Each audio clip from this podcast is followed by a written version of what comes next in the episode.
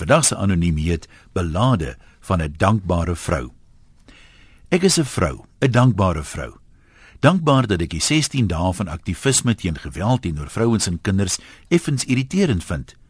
Dit is omdat ek so geseënd is dat ek gesinsgeweld glad nie ken nie en moet ek bieg ook nie eintlik verstaan nie. Ek verstaan in die eerste plek nie hoekom mans dit nodig vind om iemand vir wie hulle lief is aan te rand nie. In my kop is dit sommer klein mannetjie sindroom. Mans wat figuurlik gesproke ten minste onderbedeeld is, is seker afgunstig op normale mans.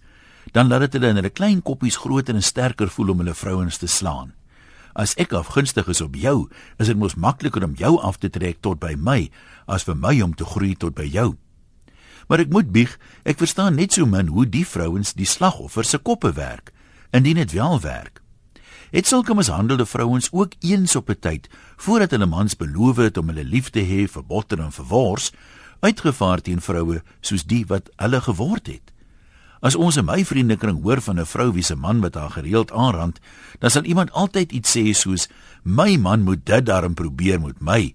As hy dit waag om ooit weer te slaap, kry hy 'n stoompot tussen sy tande."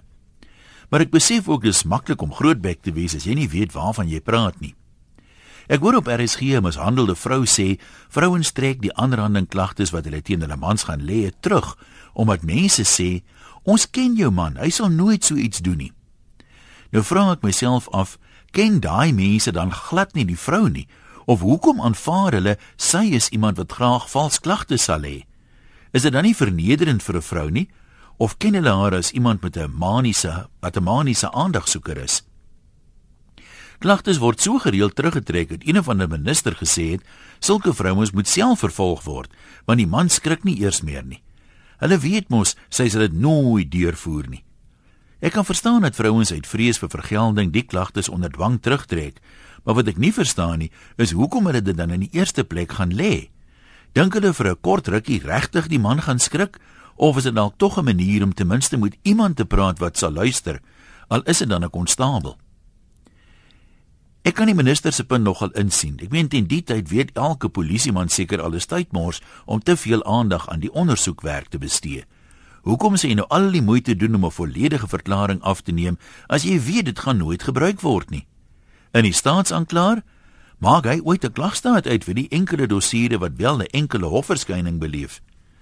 Ek wil regtig niemand veroordeel nie. Soos ek gesê het, is ek baie dankbaar dat ek nie weet waarvan ek praat nie. Die naaste wat ek aan gesinsgeweld gekom het, was toe my man 'n vrou in ons gemeente gehelp het om uit te trek nadat haar man haar aangerand het.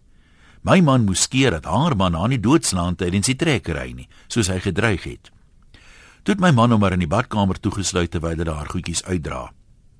Maar 2 weke later vra sy my man om haar te help om weer terug te trek. Hy het egter hoflik gesê dis nou iemand anders se beurt. Sondag sien ons die dame en haar man in die kerk. Hulle glimlag liefies vir ons. Maar ek wonder tog of sy nie warm kry in haar rolnek trui nie. Groete van vrou tot vrou. Anoniem.